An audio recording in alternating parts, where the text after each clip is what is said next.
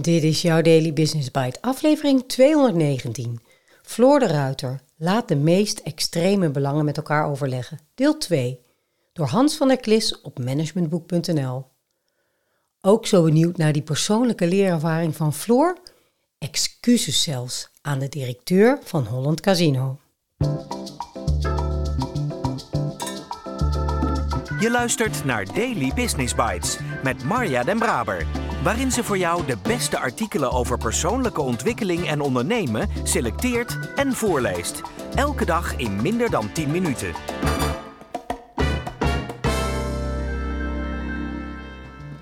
Op een bepaald moment in het boek komt u terug op Holland Casino. U verwijt uzelf achteraf dat u de directeur niet beter heeft meegenomen in het proces. Wat deed u verkeerd? Dit was in de periode dat wij zelf nog moesten ontdekken wat de juiste spelregels zijn. Een van de dingen die ik verkeerd aanpakte was dat we heel ideologisch bevlogen aan de gang gingen. We dachten, de oplossing komt van de werkvloer. Bij Holland Casino kwam een stortvloed van oplossingen tevoorschijn, waar ik helemaal opgewonden van raakte. Maar ik identificeerde mij te veel met de medewerkers, die allemaal van mening waren dat de problemen de schuld van de directie waren. Hoe kan je als gokbedrijf verlies maken? Dat komt door de megalomane marketingplannen van de directie, vonden zij. Zo liep ik rond met hetzelfde oordeel. Ik had het idee dat bottom-up veel beter is dan top-down. Tegen de directeur zei ik: Jij bent nu even niet aan zet. Als hij kritiek uitte op het proces, zei ik: Wil je winst maken of wil je gelijk hebben? Ik zei altijd: Het is een organisch proces, we zien wel waar het naartoe gaat. Ik heb hem behoorlijk klem gezet. Niet netjes en niet zo constructief. Daarmee heb ik hem en het proces ernstig tekort gedaan. Want bottom-up is geen verlicht arbeiderszelfbestuur. Je moet die processen balanceren. Ze hebben allebei een rol. Achteraf heb ik hem ook mijn excuses aangeboden. Later hebben we dit veel beter aangepakt.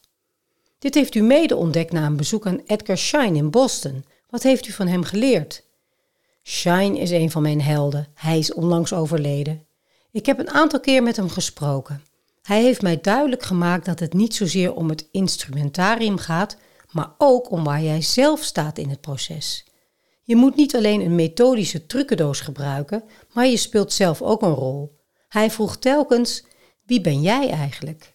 Ben je een handige Rasputin die alles vanaf de zijkant aan het regelen is? Wat zijn jouw kwetsbare kanten? Daardoor realiseerde ik mij dat ik ook iets uit te zoeken heb met mezelf. In het begin had ik de neiging om te bluffen uit ideologische overwegingen.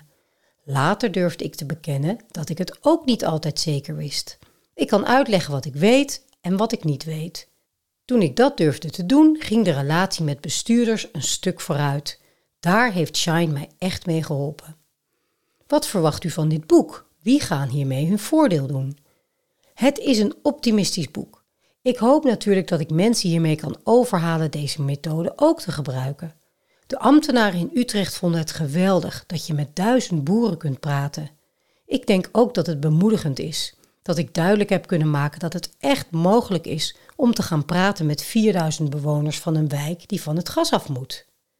Dat je erop kunt vertrouwen dat zij heel zinnige dingen zeggen als je de juiste vragen stelt. Ik hoop dat mensen zeggen: blijkbaar kan het. Laten we het gewoon gaan doen. Gaat dit ons helpen om uit die stapeling van systeemcrisis te komen? Daar ben ik van overtuigd, ja.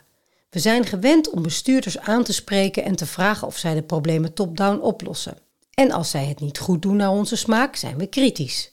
We vinden allemaal dat de top goede plannen moet maken en de laag eronder het goed moet uitvoeren. We becommentariëren dat. Daar staat tegenover dat wij gezamenlijk verantwoordelijk zijn en daar moeten we iets voor doen.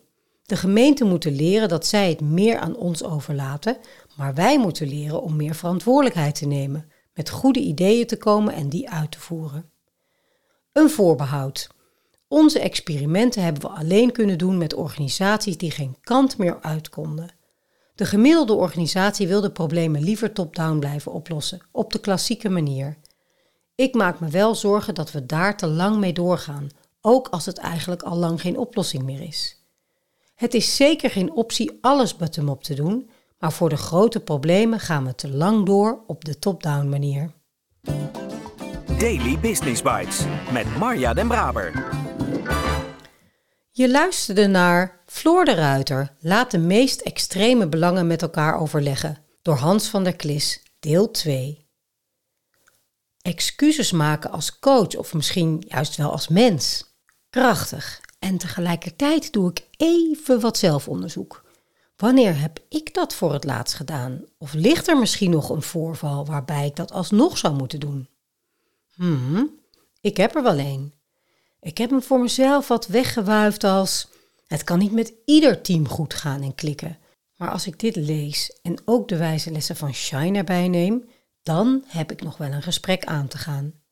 Sowieso goed om weer eens bewust te zijn van een paar zaken zoals als coach, facilitator, verandermanager of in mijn geval teamcoach, ben je een onderdeel in het team en beïnvloed je het proces en de uitkomst daarvan. Door je eigen rol beter te begrijpen kun je bewuster handelen en je eigen gedrag aanpassen om echt het team te ondersteunen bij het bereiken van hun doelen.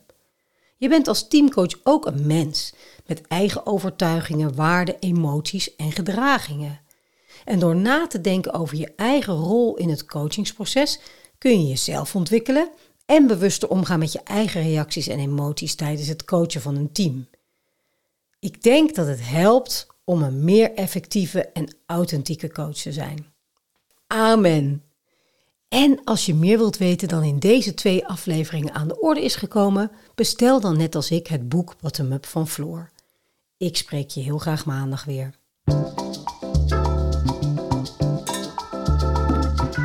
Dit was Daily Business Bites.